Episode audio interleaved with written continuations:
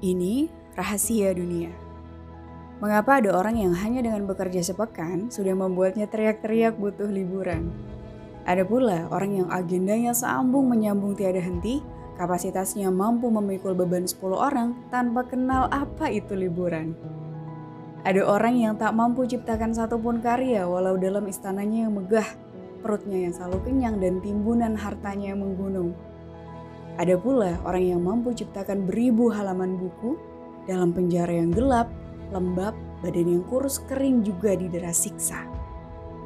Ada orang yang baru mampu tersenyum bahagia setelah menggunakan narkotika. Ada pula orang yang selalu bahagia dan damai walau hampir lumpuh seluruh tubuhnya, juga dalam bayang-bayang ancaman rudal Israel. Bagaimana mungkin? Lantas, dari mana asal muasal hati yang bahagia, damai, dan penuh semangat itu? Sebuah rahasia besar sudah Allah sampaikan sejak dahulu kala. Tiap hidup kita ternyata terhubung penuh dalam dunia rahasia di dalam jiwa. Dunia rahasia ini memang tidak terlihat, tapi jelas berdampak. Manusia boleh menggenggam harta seisi dunia, namun dengan jiwa yang sempit, seluruh harta itu seakan memenjarakannya manusia mungkin kehilangan segalanya.